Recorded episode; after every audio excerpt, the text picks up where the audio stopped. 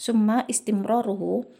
أما إذا أنكر بعض المبادئ أي العقائد الأصلية أو شك فيها أو جحد واجبا مجمعا على وجوبه أو حراما مجمعا على حرمته أو أنكر ولو كلمة واحدة من القرآن فإنه يخرج من الدين ويعتبر مرتدا تطرع عنه الجنسية الإسلامية.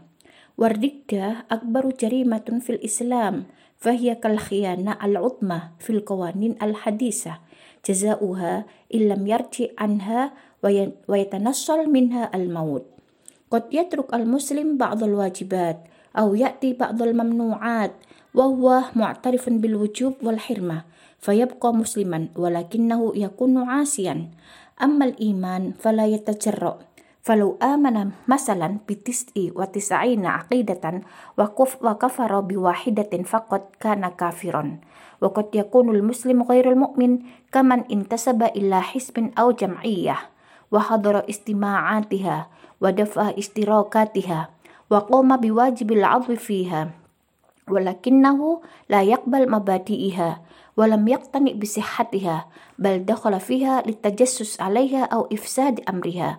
وهذا هو المنافق أو المنافق أو المنافق الذي نطق بالشهادتين ويؤدي العبادات ظاهرا ولكنه غير مؤمن بالحقيقة ولا ناجي عند الله. وإن كان عند الناس يعتبر من المسلمين لأن الناس لهم الظواهر والله وحده مطلع على السرائر والقلوب. طيب.